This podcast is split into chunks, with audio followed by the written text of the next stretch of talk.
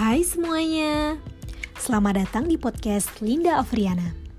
You are invited with love.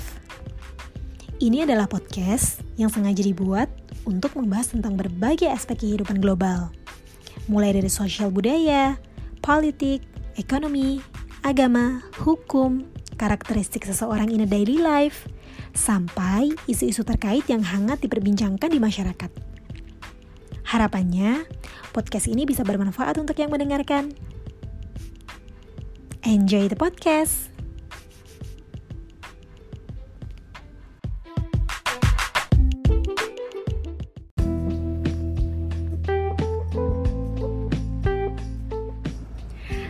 Semuanya, selamat sore. Assalamualaikum warahmatullahi wabarakatuh. Salam sejahtera untuk kita semuanya. Apa kabar hari ini teman-teman? Semoga semuanya dalam keadaan baik dan sehat ya. Amin. Berjumpa lagi dengan saya Linda Afriana di Live Talk uh, Voice of Girl episode ke-10. Kali ini saya akan sengaja mengundang salah satu orang yang sangat powerful di salah satu instansi pemerintahan Indonesia, tepatnya di Kementerian Keuangan. Beliau adalah Bapak Nufransa Wirasakti. Nah, Bapak Nufransa Wirasakti ini adalah salah satu prominent leader di Kementerian Keuangan, khususnya di bidang perpajakan. Nah, pada kesempatan kali ini saya akan membawakan saya akan membawakan tema terkait dengan persistensi nih teman-teman. Tapi sebelum kita masuk ke tema diskusi, saya akan sedikit membacakan profil dari Pak Frans. Saat ini Pak Frans menjabat sebagai staf ahli Menteri Keuangan bidang pengawasan pajak yang baru saja dilantik oleh Ibu Menteri Keuangan kita pada Januari 2020 lalu.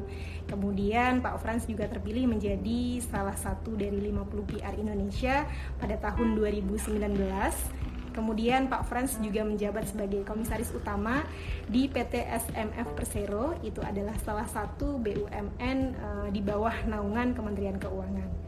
Nah, untuk background pendidikannya sendiri, Pak Frans meraih gelar Master of Economic dari Yokohama University Jepang dan juga gelar doktor dari Niigata University Jepang.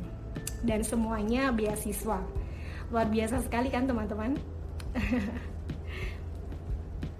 Nah, nanti uh, jika teman-teman ingin mengajukan pertanyaan pada saat saya dan Pak Frans berdiskusi, silahkan disampaikan pertanyaannya di kolom komentar. Nanti akan paralel saya bacakan di tengah diskusi bersama dengan Pak Frans gitu.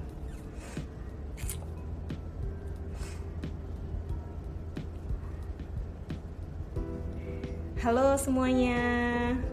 Hai. Hai Hamza.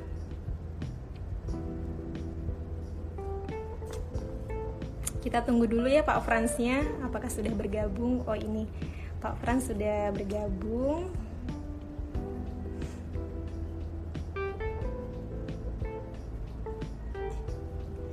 Kita undang dulu ya teman-teman. Uh, apa kabarnya Pak Frans hari ini? Alhamdulillah baik Mbak. Baik ya Pak, sehat ya Pak. Ya. Semoga ya. Uh, semuanya teman-teman yang join di sini juga dalam keadaan baik dan sehat. Amin. Uh, Pak Frans, Uh, sebelumnya saya ingin mengucapkan terima kasih banyak uh, sudah meluangkan waktu dan juga kesempatannya untuk bisa uh, in, untuk bisa join di live talk hari ini. Uh, karena saya merasa terhormat sekali Pak Pak Frans bersedia untuk uh, menjadi speaker saya Pak uh, di kesempatan kali ini gitu.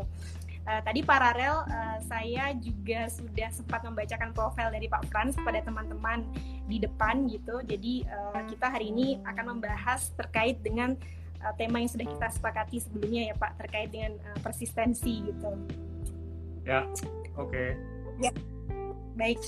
Uh, tapi sebelum kita masuk ke dalam tema Pak, uh, saya kemarin sempat uh, melakukan riset kecil gitu Pak. Jadi akan uh, saya ceritakan gitu. Saya ingin memberikan informasi sekaligus bertanya kepada Pak Frans gitu. Uh, pada saat saya searching uh, di internet Pak terkait dengan nama Pak, Pak Frans gitu.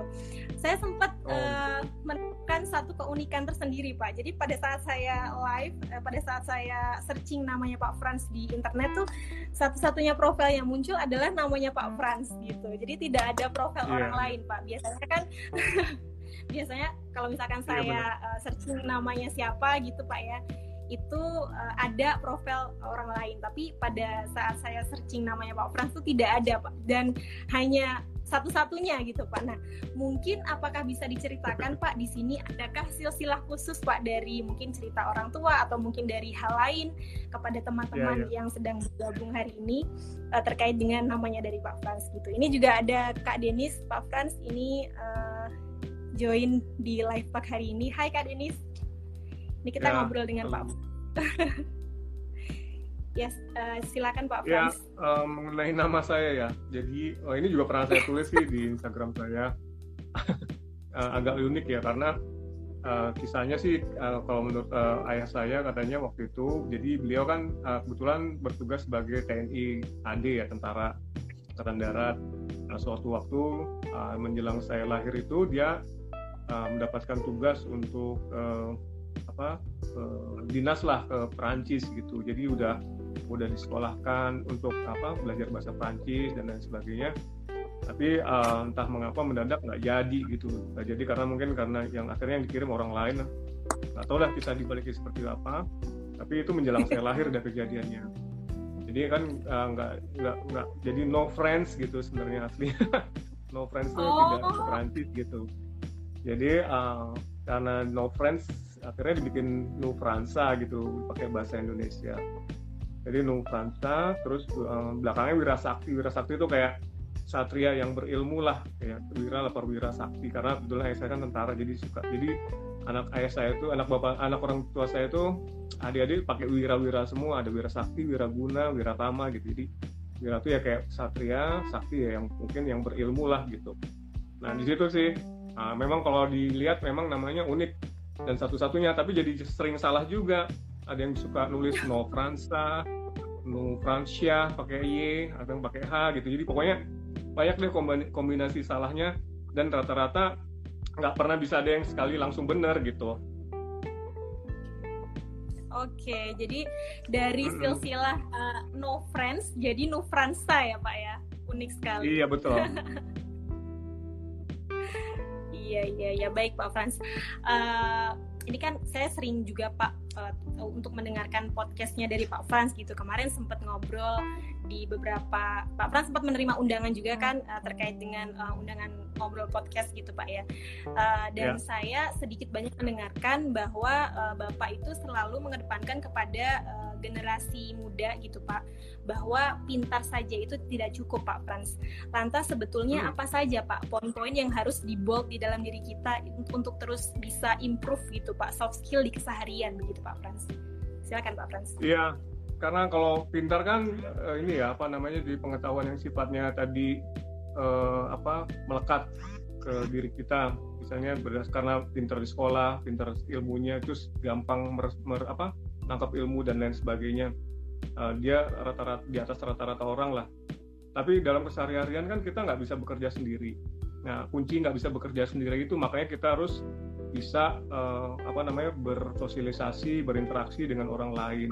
Nah ini yang menjadi penting karena uh, terutama dalam uh, bekerja biasanya kan ada teamwork dan lain sebagainya. Nah yang pertama kalau menurut saya sih integritas. Integritas ini kejujuran kita uh, value yang paling utama sehingga kalau orang melihat kita dari awal itu sudah jujur mungkin mereka akan menjadi akan timbul trust gitu.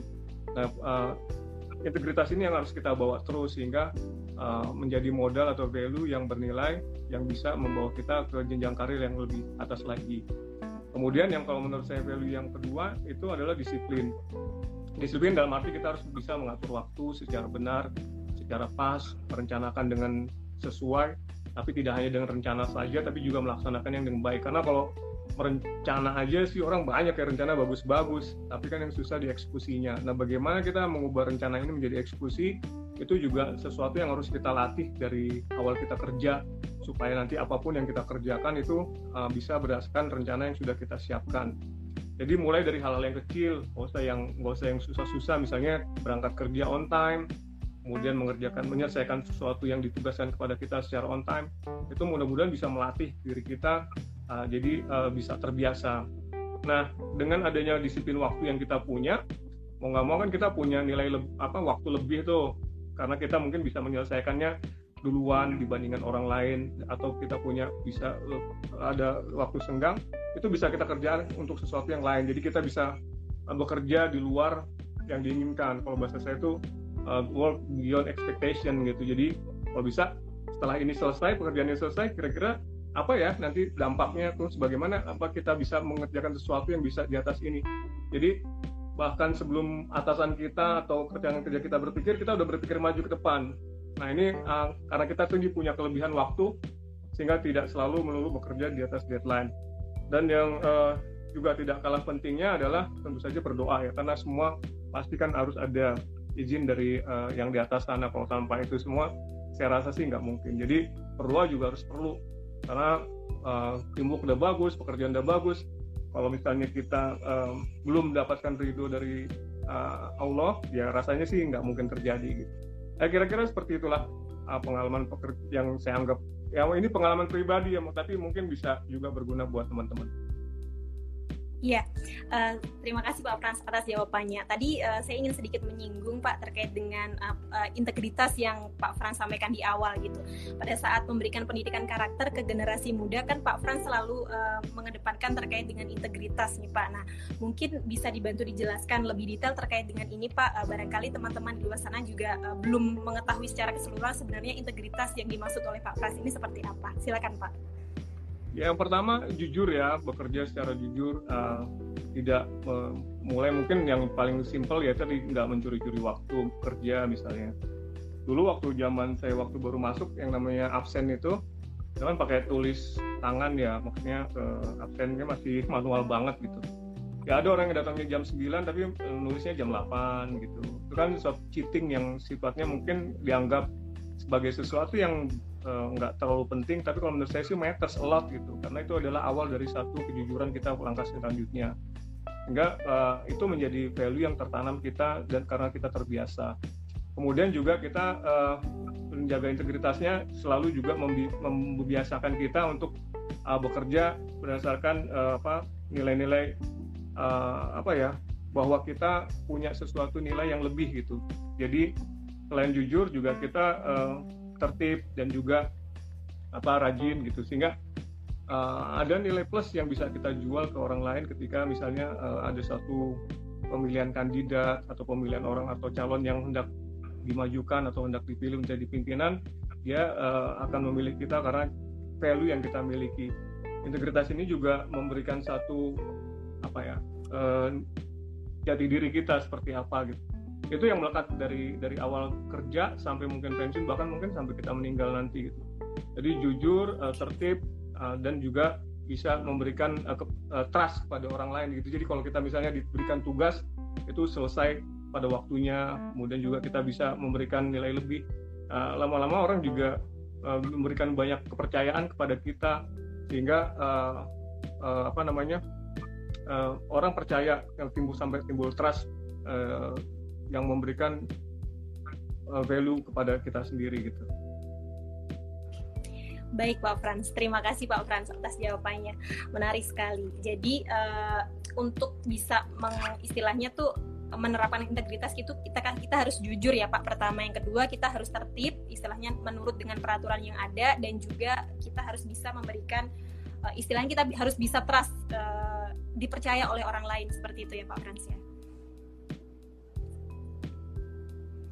Ya, uh, lanjut Pak Frans kepada pertanyaan ketiga gitu. Pak Frans kan sudah 25 tahun ya Pak berkarir di Kementerian Keuangan gitu. Uh, apakah sebelumnya Pak terbayangkan Pak di dalam pikiran mengenai prominent di instansi yang dimasuki sebelum jodoh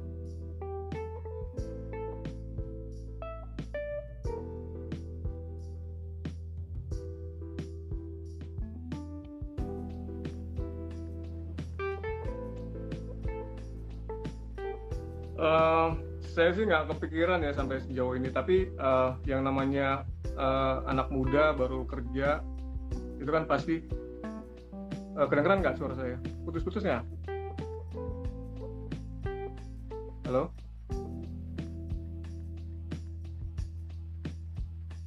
Buram, tapi Suaranya tidak apa-apa Pak Frans.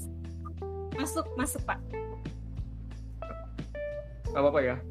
Jadi uh, ya, tidak apa-apa Pak. Waktu saya waktu, saja, Pak uh, waktu saya awal kerja uh, tentu saja kan pasti penuh idealisme ya pengen pengen jadi uh, orang nomor satu lah di tempat bekerja. Paling tidak kan kita punya cita-cita yang hendak uh, ideal bagaimana kita memajukan uh, uh, apa tempat kerja kita juga.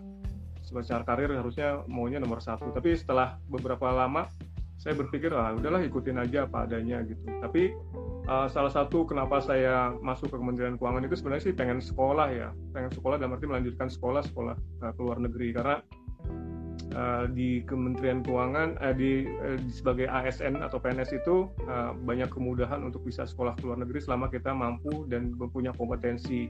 Dan kebetulan di, Kementerian Keuangan juga kesempatan itu sangat luas. Nah ini yang memberikan uh, semangat buat saya bagaimana caranya supaya bisa sekolah kalau soal karir apa segala macam itu mengikuti aja sih kalau menurut saya. Tapi memang ada sih waktu waktu awal baru masuk. Pasti kalau orang mau misalnya kamu uh, jadi masuk ke satu perusahaan kan pengennya jadi CEO kalau mau jadi tentara kan maunya jadi jenderal. Pasti kan gitu pasti cita-citanya tinggi. Tapi berjalannya waktu saya berpikir wah ya jadi apa nggak apa-apa lah. Yang penting bisa bermanfaat buat organisasi bermanfaat buat orang lain itu lebih penting kalau menurut saya. Jadi kita bisa memberikan perubahan yang uh, ke arah yang lebih positif itu menurut saya sih lebih penting dibandingin uh, kita punya karir dan lain sebagainya. Tapi uh, uh, cita-cita itu selalu ada.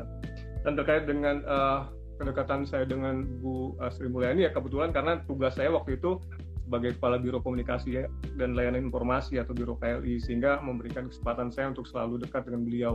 Itu sih kalau menurut saya kayak kayak saya sekolah lagi tuh karena banyak sekali pelajaran yang saya bisa ambil dan melebihi iya, S2 dan S3 saya dan itu uh, sangat bermanfaat buat ini saya. Dan saya sangat terpengaruh dengan gaya kepemimpinan beliau dan cara berpikir beliau. Bahkan dulu saya sampai apal tuh cara bicara dia seperti apa. Karena saya harus uh, menempel dia terus kan ya untuk uh, bisa memberikan uh, apa namanya keterangan kepada pers atau kepada media tentang apa yang terjadi di Kementerian Keuangan. Itu mbak. Baik Pak Frans menarik sekali. Jadi sampai hafal ya Pak body language dari Ibu Sri Mulyani, Pak Frans dari sekian banyak menemani Bu Sri Mulyani sampai istilahnya tuh katam ya Pak ya. ya kira-kira begitu. Iya. Pak Frans saya sedikit ingin bertanya juga terkait dengan disiplin waktu Pak Frans yang uh, Pak Frans uh, terapkan di dalam keseharian. Itu apakah Pak Frans memiliki role model Pak uh, yang dari selain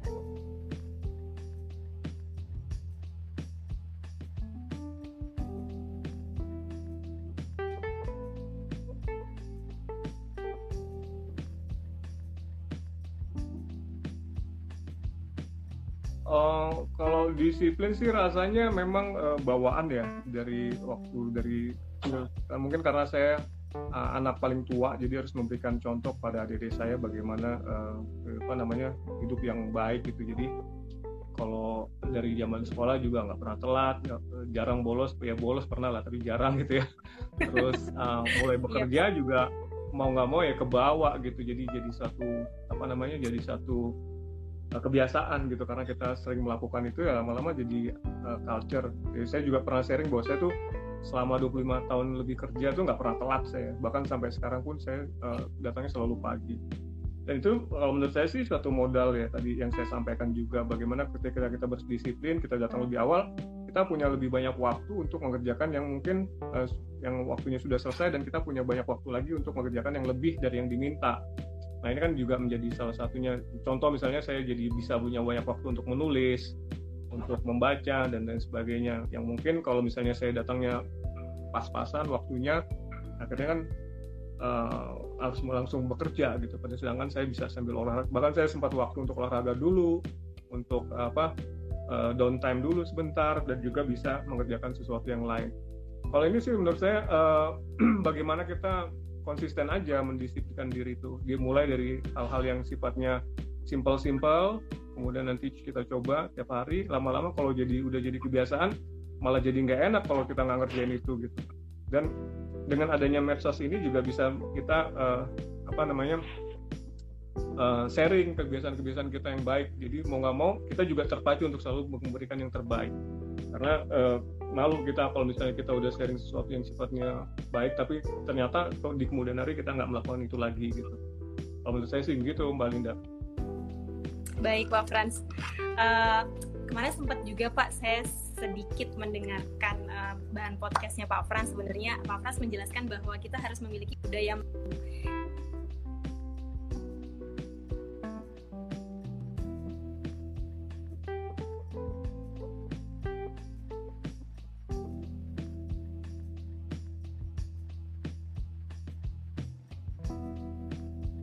seperti itu yang demikian Pak. Ini menurut saya ini menarik sih Pak untuk dibahas. Jadi di sini juga teman-teman bisa belajar terkait dengan uh, ini kepada Pak Frans secara langsung gitu. Uh, sila, silakan Pak Frans. Iya, kalau kita punya rasa malu pada orang lain karena kita misalnya telat datang ke rapat, telat datang ke kantor, telat mengerjakan tugas, lama-lama itu akan mendisiplinkan kita sebenarnya. Jadi berangkat dari rasa malu itu dulu supaya kita punya uh, ketegasan kan uh, maksudnya kan kita mau jadinya jadi jadi pegawai teladan bukan jadi pegawai telatan yang suka telat gitu kan. Nah untuk menjadi iya. teladan itu kan harus ya itu punya rasa malu. Uh, dengan caranya gimana ya? Caranya membiasakan diri aja seperti apa sehingga lama-lama uh, kita terbiasa. Nah rasa malu ini juga harus ditumbuhkan supaya uh, kita jadi bendarinya gitu. Jangan malah jadi cuek.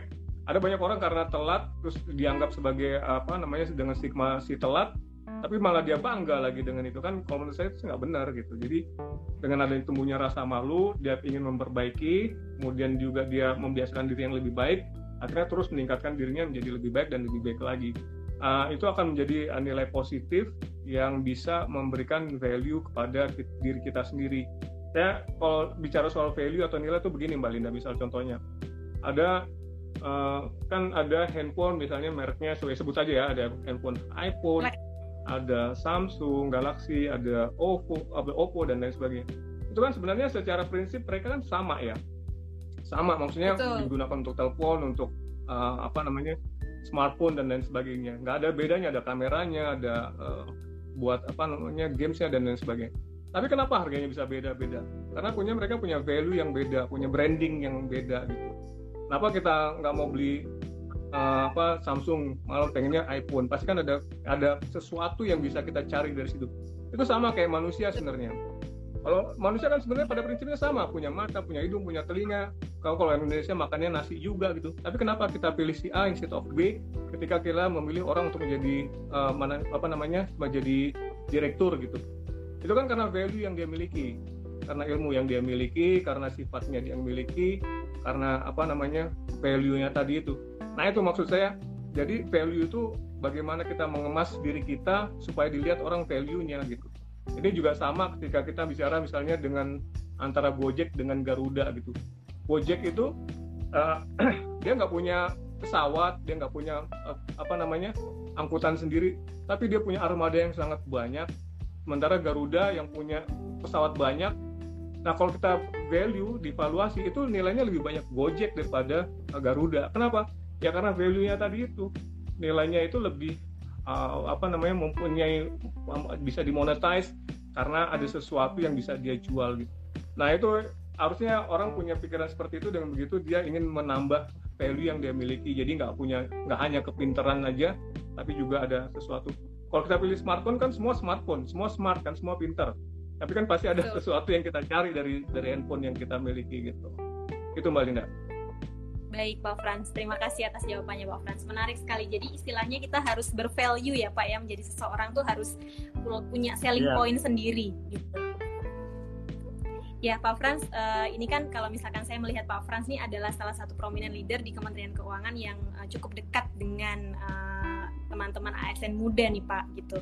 Dan uh, saya juga sempat uh, istilahnya tuh uh, kepo gitu Pak di sosial medianya Pak Frans gitu. Pak Frans sering membagikan tulisan-tulisan di situ yang itu sangat positif. Nah, menurut saya Pak uh, ini uh, baik sekali Pak uh, untuk dibagikan juga ke teman-teman di luar sana gitu. Bagaimana sih Pak Frans supaya bisa konsisten dan juga uh, persisten menjalani uh, itu semuanya Pak istilahnya melakukan kegiatan-kegiatan positif seperti itu dan mungkin uh, istilahnya tips dari Pak Frans sendiri uh, itu seperti apa Pak?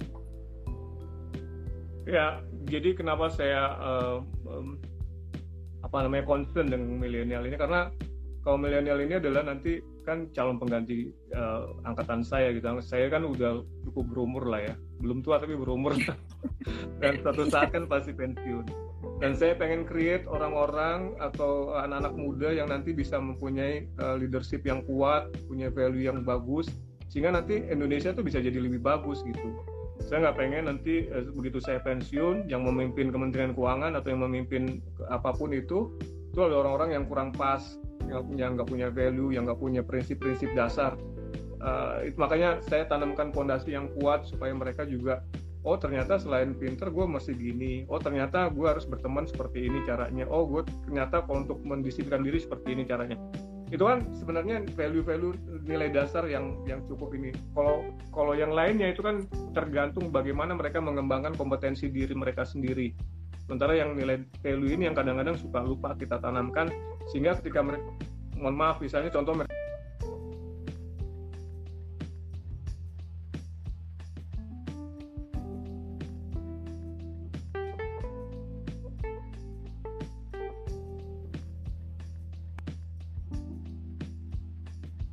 sebagainya.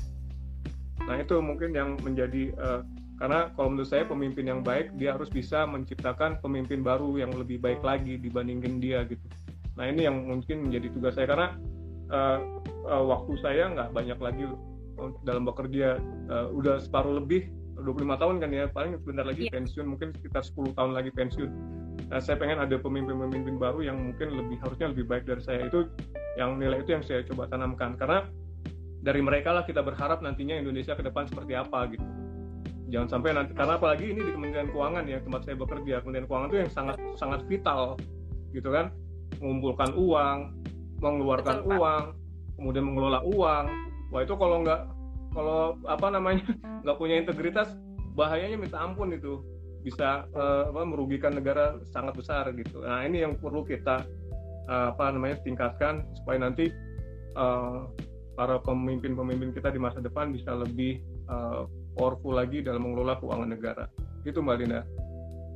Oke, baik Pak Frans. Terima kasih Pak Frans.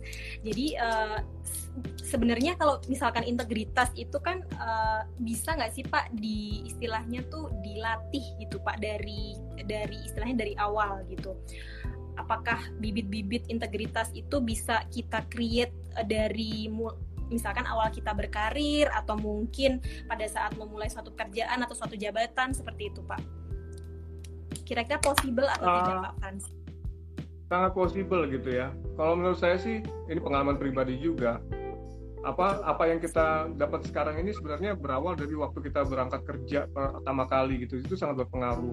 Bagaimana environment, ekosistem, lingkungan kita bekerja pada saat kita awal-awal bekerja itu sangat berpengaruh. Misalnya gaya leadership bos kita seperti apa, kemudian lingkungan kita cara bekerja seperti apa. Misalnya kita 2-3 tahun bekerja di situ, ya pasti akan berpengaruh untuk kita langkah-langkah selanjutnya. Makanya itu penting sekali untuk menjaga lingkungan bekerja itu supaya berintegritas dan tinggi dengan memberikan contoh atau teladan dan kemudian juga memberikan uh, sikap-sikap uh, yang memang real konkret seperti apa itu integritas. Dengan begitu orang juga mulai mencontoh karena um, kayak kamu lah misalnya Mbak Linda masuk mulai kerja pasti kan ngeliat seling dulu nih cara bekerjanya seperti apa kan? Betul kalau dia betul, cocok Pak. dia akan melanjutkan. Kemudian juga bagaimana dia bisa ber, apa beradaptasi dengan lingkungan. Pasti dia mengikuti itu. Nah gaya itu pasti akan terbawa. Kalau di awal bekerja sudah mendapatkan lingkungan yang kurang pas dan nggak cocok itu sangat nggak comfortable buat dia untuk melakukan pekerjaan itu. Dan juga pasti nanti akan kebawa sampai uh, sampai dia bekerja selanjutnya Nah itu karenanya penting untuk membuat satu environment yang bagus yang bisa memberikan value tadi itu. Nah ini penting sehingga uh, ke depan juga dia punya uh, sesuatu yang dia bawa dan dia juga bisa menularkan kebaikan ini terus sampai ke bawah gitu. Karena organisasi ini kalau menurut saya sih baik itu kementerian, baik itu perusahaan itu kan kayak orang gitu. Dia harus tumbuh, harus apa namanya eh, bergerak ke atas, mendewasakan diri berdasarkan umurnya. Kalau dia uh, tergantung sama orang-orang tertentu saja sementara organisasi yang nggak bergerak itu jadi uh, stagnan gitu dan bisa memberikan satu nilai yang nggak nggak bagus untuk organisasi atau uh, pekerjaan yang dilakukan gitu mbak Linda. Baik Pak Frans, uh, menarik sekali Pak Frans penjelasannya dan uh, semoga teman-teman juga uh, banyak mendapatkan insight positif. Kalau ada yang ingin bertanya, silakan disampaikan di kolom komentar ya terkait dengan tema yang kita sepakati hari ini terkait dengan dan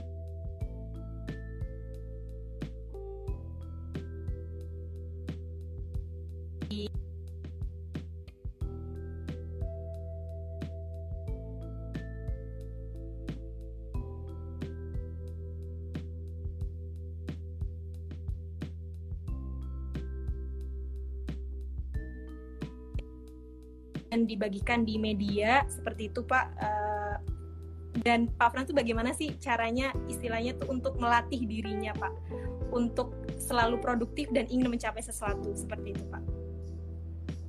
Ya kalau menulis memang uh, jadi hobi saya ya dari ya mungkin karena saya uh, apa namanya dulu jadi ceritanya gini Mbak Linda saya waktu kecil itu ditinggal oleh orang tua saya ke sekolah ke luar negeri jadi saya mau nggak mau untuk berkomunikasi waktu itu eh, salah satu caranya selain menelpon teleponan adalah menulis surat lah waktu itu. Nah mungkin oh. dari situ ya saya mungkin mulai menulis terlatih ya pak ya? Terus uh, pada saat saya uh, mulai bekerja itu tadi karena saya punya banyak kelebihan waktu akhirnya saya ngapain ya? Oh, padahal di, di, di pikiran saya ini banyak apa namanya pemikiran-pemikiran yang harus dituangkan gitu. Tapi kan karena posisi iya. saya baru baru bekerja kan nggak mungkin saya apa membuat sesuatu yang sifatnya masif dan bisa merubah sesuatu. Ya akhirnya melalui tulisan. Nah berawal dari situ tulisan-tulisan saya uh, mulai gitu apa namanya bagaimana menuangkan uh, ide-ide kemudian apa pemikiran ke dalam bentuk tulisan. Uh, karena terbiasa lama-lama jadi uh, terlatih dan gampang mengeluarkan gitu. Uh, uh, dan kita jadi lebih sensitif ketika melihat sesuatu yang ada di lingkungan kita. Itu bisa kita tuangkan dalam bentuk tulisan. Nah dengan begitu lama-lama kita terasa dan makin lama makin terbiasa gitu. Dan itu sebenarnya uh, bisa dilatih dan bisa di ini kan asal kita mau. Nah, itu mungkin uh, banyak juga dari teman-teman kita. Sebenarnya kan sekarang dengan adanya dunia media sosial bisa aja mulai dari nulis status gitu kan atau nulis sesuatu yang sifatnya curhat gitu. tapi lama-lama kan uh, kita pasti punya pola atau uh, apa namanya ciri khas yang bisa kita tulis dari situ uh, mungkin yang tadinya cuma status mungkin akhirnya pengetahuan yang kita miliki pendapat kita kemudian latar belakang pekerjaan kita dan lain sebagainya. Kalau saya kasih kalau saya suka ngomporin teman-teman untuk nulis tuh gini mbak. Sebenarnya apa yang kita kerjakan ini kan sangat-sangat spesifik pun. Di mana pun kita bekerja siapa pun kita pasti kan nggak nggak semua yang kita kerjakan itu bisa dikerjakan orang-orang lain gitu. Pasti kan kita punya tugas khusus nih nah tugas khusus ini kalau kita tuliskan itu sangat menarik buat orang lain yang mungkin sehari-hari buat orang itu ya ini pekerjaan gue sehari-hari nggak nothing special gitu tapi kalau kita tuliskan kita kemas dalam bentuk yang bagus pasti orang banyak yang suka gitu Nah itu yang uh, mungkin selama ini orang nggak aware mengenai masalah ini. Padahal itu kalau bisa kita uh, tuliskan dan kayak misalnya saya gitu ya. Ya contoh yang kemarin lah, um, saya upload terakhir terkait dengan uh, satu tahun Bu Sri Mulyani menjadi menteri kan. Itu kan kalau buat saya sih karena saya ada satu grup sama WhatsApp grup sama beliau sama pejabat-pejabat lain sesuatu yang biasa gitu maksudnya. Tapi saya coba kemas ini sebagai sesuatu yang sifatnya humanis, kemudian juga uh, ini kan ada sesuatu spirit dalam tulisan beliau yang bisa saya share juga kepada teman-teman yang lain.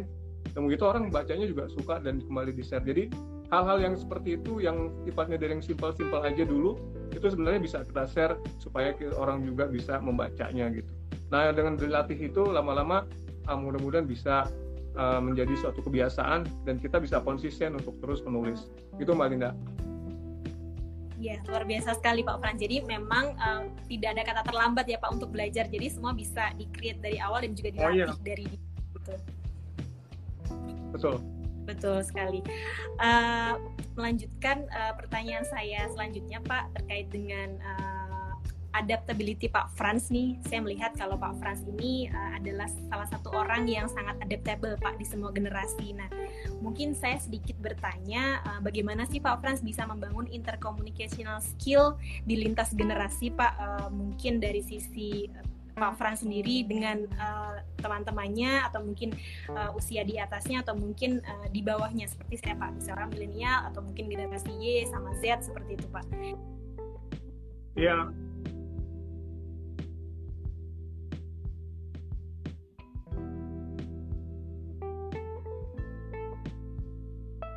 Ya, makasih Mbak Linda. Jadi kalau menurut saya sih sebenarnya berawal dari bagaimana kita sebenarnya um, harus mampu bekerja dengan banyak orang tadi itu teamwork. Jadi uh, kalau saya punya prinsip yang sering saya share juga yaitu uh, live your life with love gitu. Jadi cintai uh, apa apa hidupkan hidupmu dengan cinta gitu. Nah, cinta ini salah satunya adalah pekerjaan. Pekerjaan kan harus kita cintai juga karena ini salah satu bagian dari kehidupan kita saya ambil contoh misalnya uh, saya uh, lebih banyak menghabiskan waktu di kantor dibandingkan di rumah gitu. Jadi harusnya menganggap bahwa kantor itu adalah sesuatu yang uh, lebih dari rumah gitu kalau bisa. Nah, bagaimana kita bisa mengerjakan sesuatu ini dengan baik? Ya kita harus tahu siapa-siapa aja orang di kantor kita itu. Contoh misalnya rekan kerja kita, atasan kita, kolega kita, bawahan kita, bahkan sampai ke office boy dan cleaning service, satpam itu juga uh, ekosistem yang harus kita jaga semua. Nah, bagaimana menjaganya ya? Kita harus ramah, minimal kita senyum, menyapa, selamat pagi, selamat siang, kan nggak nggak ada salahnya juga gitu. Dan jangan cuma, jangan membatasi dengan uh, karena jabatan kita, karena merasa jabatan kita sudah tinggi, kita maunya disalah, disapa duluan ya nggak juga gitu. Jadi ya usahakan hidupkan itu dengan cinta semua karena karena kalau misalnya itu nggak berjalan satu aja itu pekerjaan kita nggak bisa loh dilaksanakan. Contoh misalnya yang yang contoh cleaning service lah misalnya. Kalau dia sakit misalnya nggak ada yang gantiin kantor kita berantakan itu kita stres ngeliat kantor kita berantakan. Kan kita nggak punya waktu untuk beres-beres atau makan eh, nggak uh, bisa beresin sendiri lah istilahnya. Nah dari situ aja punya bisa kita uh, ambil kesimpulan bahwa kita ya harus mau nggak mau kita menjaga ekosistem atau lingkungan kita kerja kerja ini dengan baik. Dan bagaimana caranya? Itu tadi. Ya cukup dengan menyapa. Itu mungkin mereka udah sangat senang kalau disapa duluan atau diberikan senyuman. Walaupun sekarang kalau senyum nggak kelihatan ya karena pakai masker. Tapi paling tidak kan yeah. kelihatan apa gestur tubuh kita bahwa kita tersenyum kepada mereka. Nah nah ini yang harus kita miliki jiwa itu bahwa kita tuh sama dengan yang lain gitu. Jadi bukan karena jabatan kita karena posisi kita seolah-olah kita lebih tinggi lebih rendah dan lain sebagainya. Nggak ada itu uh, istilah itu di dalam kamus hidup saya. Semua itu harusnya uh, sama dan equal karena semua punya perannya masing-masing. Dan begitu perannya itu nggak terjalankan dengan baik menurut saya nanti uh, akan mengganggu pekerjaan kita. Nah itu harus kita jaga terus. Jadi spiritnya adalah menjaga ini bersama-sama supaya kita bisa menyelesaikan tugas dan pekerjaan kita dengan bersama-sama juga. Gitu mbak Lina budaya saling menghormati ya pak ya antar lintas yeah. luar biasa pak Frans nah jika saya bertanya terkait dengan manajemen waktu nih pak saya lihat juga Pak Frans yeah. orang yang sangat disiplin dengan waktunya yang sudah diaplikasikan di dalam keseharian gitu Pak. Nah mungkin uh, bisa dibagikan juga di sini Pak terkait dengan uh, manajemen waktu dari Pak Frans bagaimana sih Bapak uh, melakukan mapping plan yang sudah dibuat mungkin untuk mencapai long term atau short term yang uh, sudah Bapak buat di dalam keseharian Pak silakan. Uh, sebenarnya sih gampang ya Mbak Linda. Uh, bagaimana kita membiasakan diri aja. Contoh misalnya, aduh gue nggak bisa bangun pagi nih. Kan sekarang ada alarm ya, alarm dari handphone dan lain iya. sebagainya. Yes. Atau kita niatnya aja mau gitu. Nah ya kan, nah, pertama itu saya ambil contoh juga yang paling simpel misalnya. Uh, kalau misalnya kita menghadapi sehari-hari, kan kita ada 24 jam. Itu mau ngapain aja 24 jam ke besok itu. Kita bisa rencanakan dari sekarang misalnya jam sekian sampai jam sekian saya mau jalan pagi jam sekian sampai mulai kerja. Yang kerja itu nanti kerjain ngapain aja. Uh, dari situ kan udah bisa kelihatan time frame yang harus kita kerjakan. Dan itu lama-lama kalau kita uh, laksanakan dengan baik uh, akan terkonfirmasi dan bisa memberikan disiplin buat kita diri kita sendiri.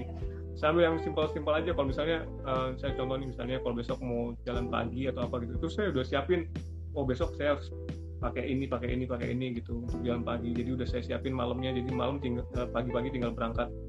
Udah sap eh, jam setengah enam berangkat gitu. Jadi jam enam kurang seperempat udah sampai di tempat situ jam enam kurang seperempat udah mulai jalan nanti jam tujuh seperempat selesai. Jadi udah semua udah udah kayak ada time frame yang kita siapkan. Dengan begitu kita akan mudah mengatur waktu kita sendiri dan juga bisa memberikan uh, apa namanya disiplin pada diri sendiri. Dan begitu juga orang juga tahu oh nih Pak Pras datangnya jam segini nih pasti jadi kalau misalnya dia mau mengatur waktu kita kita juga dia mereka juga udah aware gitu. Oh si oh, Frans nih orangnya nggak pernah telat. Pasti nanti kalau janjian harus jam segini datangnya. Lama-lama orang menyesuaikan dengan kita. Dan ya harusnya sih eh, nilai-nilai seperti itu yang harus kita eh, berikan kepada orang. Dan mau nggak mau nanti jadi value yang kita miliki tadi itu. Nah, kebiasaan itu bisa kita tumbuhkan kalau kita punya niat tadi. Hmm. kalau apa oh, pengen sih tapi susah bangun. Pengen sih tapi kok uh, apa ini pekerjaan nggak selesai selesai. Sebenarnya sih ya kembali ke diri kita sendiri aja. Nggak susah sebenarnya. Tinggal mau Baik, apa enggak gitu aja. Tinggal mau atau tidak ya pak ya. Bergantung dari niat dan juga apa yang iya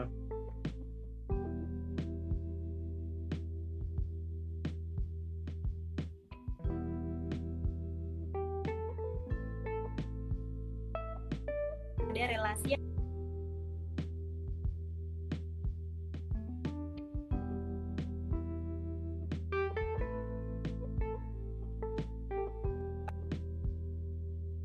istilahnya kadang suka dongkol gitu loh Pak Frans. Kayak kitanya sudah on time sudah um, mengikuti peraturan tapi istilahnya tidak bisa mengikuti alur yang sudah disepakati sebelumnya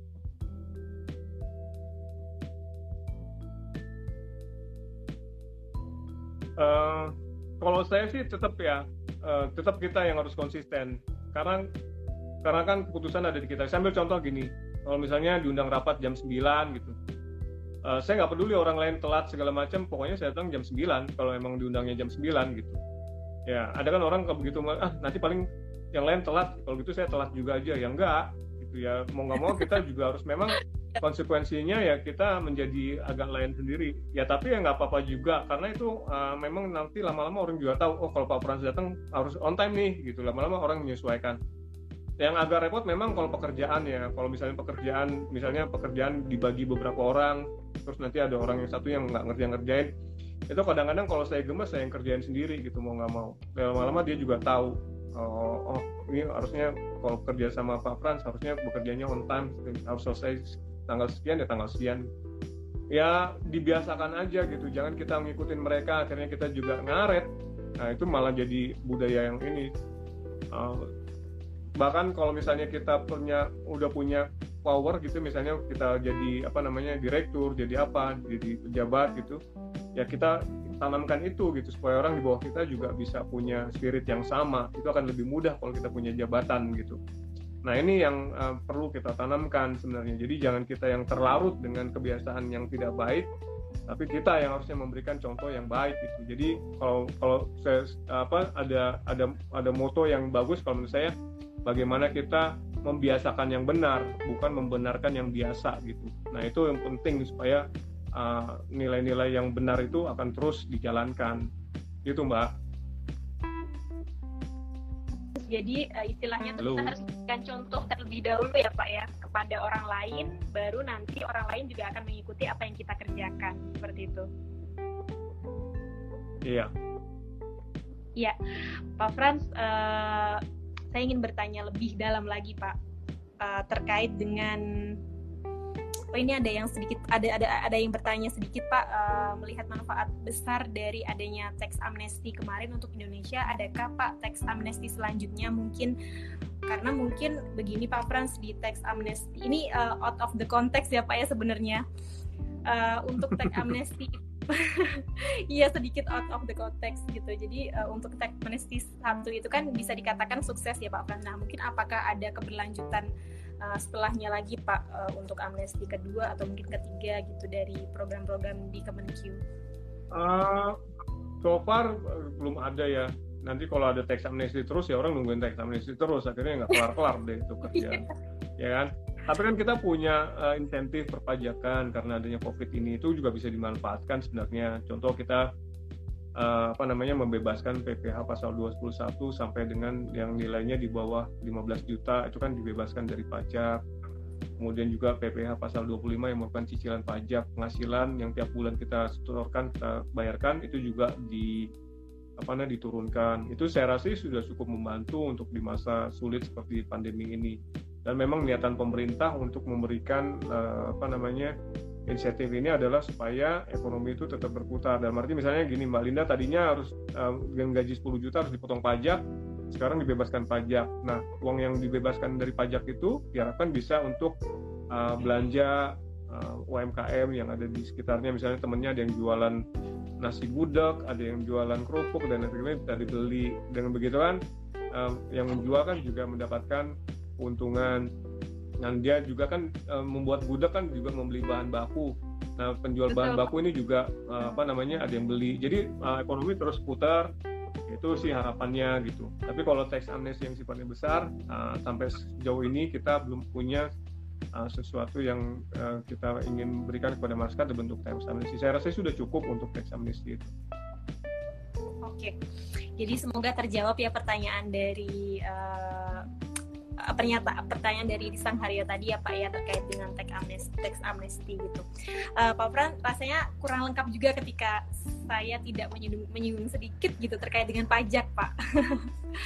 ya, nah, ya, kita boleh. Pak uh, bahwa sekitar satu minggu lalu Pak di media televisi nasional maupun lokal itu uh, sedang ramai sekali memperbincangkan terkait dengan pajak 0% uh, untuk mobil baru Pak. Nah, uh, pemerintah melalui Kementerian uh, Perindustrian memberikan usulan kepada Kementerian Keuangan kan Pak untuk merelaksasi pajak uh, dengan ada untuk kendaraan roda 4 gitu Pak atau mobil. Nah, pada saat diajukan ke Kementerian Keuangan uh, ditolak oleh Ibu Sri Mulyani Pak. Nah, mungkin bisa dibantu dijelaskan Pak uh, mengapa pajak tersebut uh, ditolak oleh uh, Bu Sri Mulyani padahal kita tahu Pak uh, untuk penjualan mobil dari tahun 2018 sampai tahun 2020 ini mengalami penurunan yang cukup signifikan Pak. Kalau misalkan boleh saya sebutkan Pak, dari tahun 2019 itu sekitar 660 ribu unit turun menjadi 364 ribu unit eh, di 2020. Jadi penurunannya sekitar 380 ribu unit.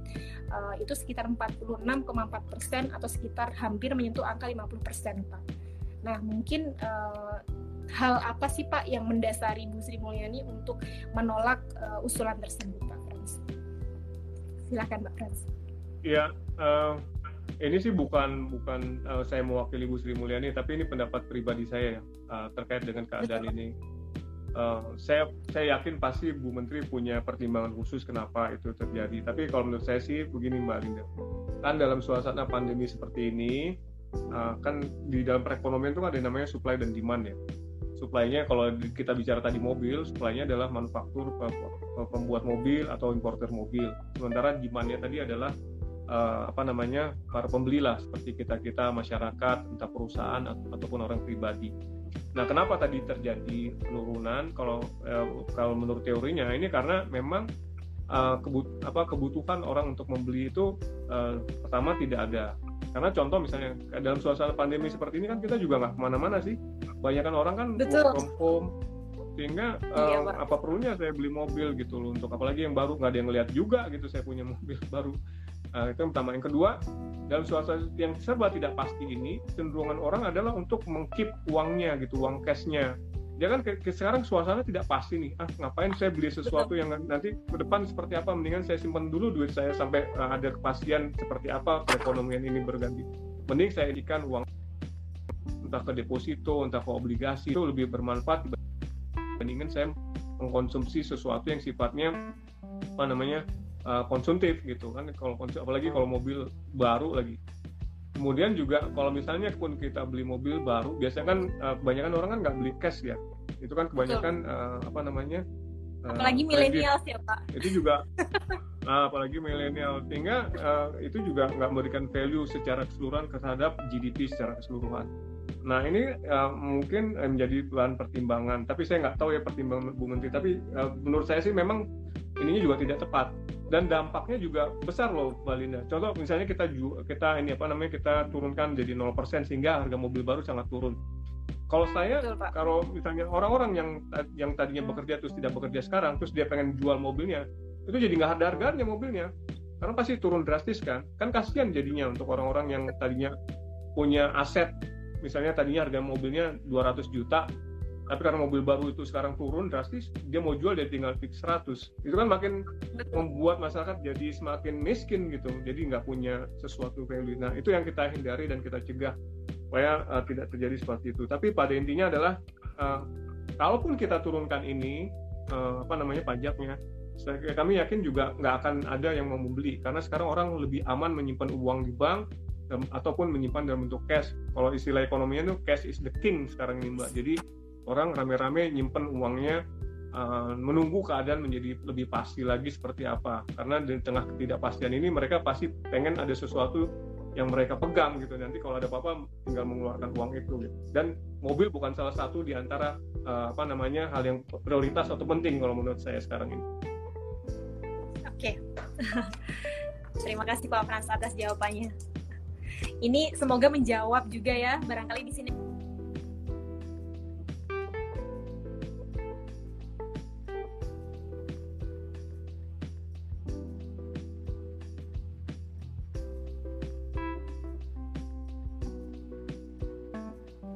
dari audiens tuh ada yang nanya boleh sharing nggak Pak Frans kira-kira suka duka di bidang pengawasan pajak selama mungkin Pak Frans menghandle kurang lebih 25 tahun ini Pak?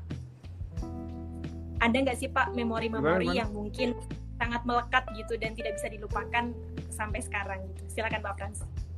Oh, ya um, mungkin kalau orang melihatnya saya yang sekarang ya yang sudah menduduki jabatan yang lumayan tinggi lah di Kementerian Keuangan. Tapi ini semua adalah kalau menurut saya sih uh, hasil dari kerja keras di awal gitu kan. Orang kadang-kadang ngelihat di ujungnya aja padahal dia nggak lihat apa namanya uh, bagaimana saya bisa sampai ke titik ini gitu.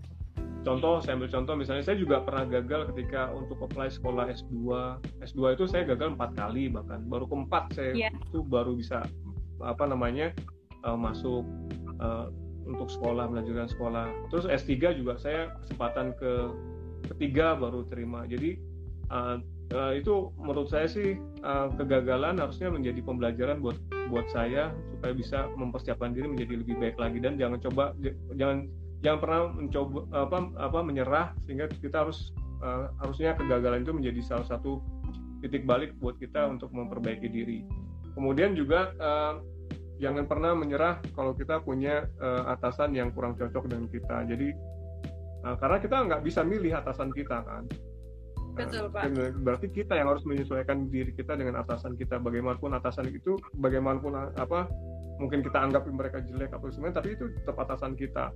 Dan tetaplah bekerja dengan baik. Karena menurut saya gini, kalau menurut pengalaman saya, uh, kalaupun misalnya kita bekerja baik dan atasan kita menganggap tidak baik atau mungkin jelek, tapi kalau memang kita bekerjanya dengan baik, disiplin, kemudian punya value tadi, itu akan ada yang ngelihat kok. Maksudnya nggak mungkin bukan atasan kita langsung, mungkin atasan yang di tempat sana yang lihat, oh si Franz begini ya orangnya, oh, saya taruh tempat saya aja deh, promosi tempat saya itu saya alami sendiri gitu. Nah itu uh, memberikan suatu kepercayaan kepada diri saya bahwa kalau kita bekerja dengan baik, insya Allah hasilnya juga baik. Nah itu mungkin yang selama ini orang-orang uh, merasa kok gue nggak naik-naik, yang mungkin ada sesuatu yang salah dengan kita gitu. Jadi jangan nyalain atasan kita, jangan nyalain apa teman kita, jangan, tapi lihat dulu diri kita sendiri. Kita udah ngerjain yang baik belum? Kita udah ngerjain yang maksimal belum? Yang optimal belum gitu? Nah itu semua proses gitu. Nah, kalau misalnya kita udah kerjakan semua dengan baik dan masih belum ini juga, jangan lupa berdoa sama yang di atas sana gitu, karena yang dia yang punya kuasa. Jadi uh, itu tetap uh, menurut saya sih suatu hal yang mutlak dan absolut. Kita harus tetap berdoa setiap hari supaya kita bisa juga mendapatkan kemudahan dan kelancaran dalam bekerja. Nah, itu sih pengalaman 25 tahun saya bekerja seperti itu. Uh, mudah-mudahan bisa bermanfaat. Dan uh, uh, jangan lupa juga bahwa semuanya adalah proses, nggak ada yang instan. Dan kita banyak orang-orang melihatnya pengen oh saya pengen jadi ini pengen saya punya ide ini kok nggak diterima terus sama atasan saya? Nggak bisa. Mungkin cara kita mengkomunikasikan cara kita mempresentasikan cara kita menulisnya itu mungkin perlu kemasan yang bagus pendekatan yang bagus approach yang bagus interpersonal skill yang bagus sehingga orang bisa lebih mengerti apa yang mau kita sampaikan. Jadi harusnya kalau kita gagal itu harusnya jadi pembelajaran gitu. Dan jangan menyalahkan orang lain yang menyalahkan atasan kita. Tapi coba lihat dulu di diri kita sendiri gitu. Apalagi kalau sering gagal. Itu pasti kalau sering gagal ya pasti kitanya yang salah. Gak mungkin aja orang lain gitu. Jadi harus pintar-pintar meraba diri sendiri dulu ya Pak sebelum kita menyalahkan orang lain juga. Iya betul. Apalagi menyalahkan keadaan percuma aja. Iya. Betul. Pak Frans ini karena keterbatasan waktu Pak uh, ada satu pertanyaan yang ingin sekali saya tanyakan Pak kepada Pak Frans dan mungkin bisa dijawab secara singkat ya Pak Eh, karena Pak Frans adalah salah satu prominent leader di Kementerian Keuangan dan memiliki akses khusus ke Ibu Menteri kita. Sebetulnya nilai-nilai leadership apa yang bisa Pak Frans bagikan kepada audiens untuk bisa diterapkan dalam improvisasi diri, Pak? Silakan Pak Frans. Ya, ya. Jadi, um, ya tadi kalau menurut saya sih beliau sangat uh, detail kerjanya, dan juga bisa member, apa, memberikan pandangan yang sangat komprehensif juga termasuk uh, dari sebuah policy atau kebijakan sehingga kita kalau berhadapan dengan beliau harus memikirkan segala sesuatu dampaknya. Dan juga the, beliau sangat cinta dengan tanah airnya. Jadi semua kebijakan itu pasti ujungnya bagaimana ini bisa memberikan manfaat buat masyarakat meningkatkan kesejahteraan, memberantas kemiskinan, dan juga meningkatkan uh, kualitas hidup dari masyarakat Indonesia. Jadi kalau menurut saya sih sangat lengkap dari diri beliau yang bisa kita contoh dan saya sangat banyak belajar dari beliau. Itu Mbak. Baik Pak Frans, terima kasih atas penjelasan yang sangat uh, inspiratif dan juga insightful Pak. Uh, semoga teman-teman tadi juga uh, banyak mendapatkan uh, inspirasi positif dari penjelasan-penjelasan yang sudah Pak Frans sampaikan gitu. Uh, saya mohon izin Pak ini nanti uh, bahan diskusi tadi Pak akan saya jadikan bahan podcast. Jadi saya nanti akan paralel membuat uh, dan mengedit podcast tersebut. Nanti akan saya beritahukan kepada Pak Frans sudah uh, ada hasilnya seperti itu Pak. Iya. Iya, jika boleh saya simpulkan Pak terkait dengan hasil diskusi hari ini, untuk menjadi seseorang yang bisa dikenal dan uh, memiliki integritas yang tinggi kita harus jujur yang pertama. Kemudian yang kedua harus tertib dengan peraturan yang sudah ada uh, dan diaplikasikan di dalam kehidupan. Kemudian kita juga harus bisa membuat orang trust kepada kita. Bagaimana kita uh, supaya dikenal uh, istilahnya tuh sebagai orang yang capable dan juga uh, istilahnya tuh bagus gitu pak di mata masyarakat seperti itu.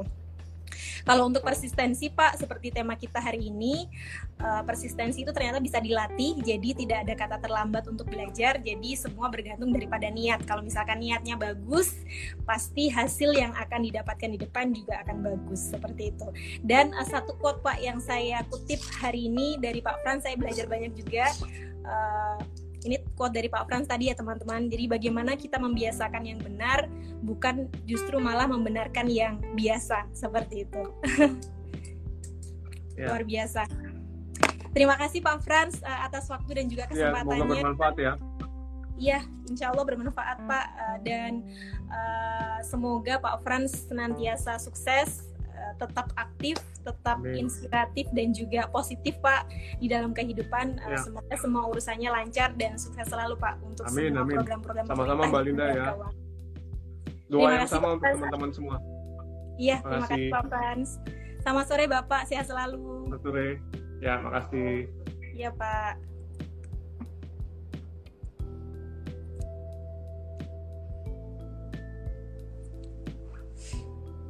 Demikian teman-teman hasil diskusi saya dengan Pak Franz uh, lebih ke sharing session ya karena uh, beliau adalah orang yang cukup banyak sekali pengalamannya di bidang uh, apa ya istilahnya building karakter itu beliau sudah hatam gitu. Jadi uh, harapannya teman-teman dapat banyak informasi positif dan juga uh, insight yang bisa diterapkan di dalam kehidupan itu bisa bertambah dari penjelasan-penjelasan Pak Frans tadi gitu uh, terima kasih banyak untuk yang sudah tune in. Uh, kalau misalkan hari ini teman-teman istilahnya tuh tidak bisa join, jangan sedih karena ini nanti akan saya jadikan uh, bahan podcast berbentuk audio gitu. Jadi teman-teman uh, bisa mendengarkan versi audionya di Spotify. Uh, cari aja Linda Friana di situ. Jangan lupa di follow dan disebarkan ke sosial media kalian masing-masing jika dirasa bermanfaat dengan mention nama saya di Instagram @linda_afriana. Uh, sampai jumpa di episode selanjutnya. Uh, selamat sore dan selamat menikmati weekend bersama keluarga dan juga orang-orang tercinta. Bye.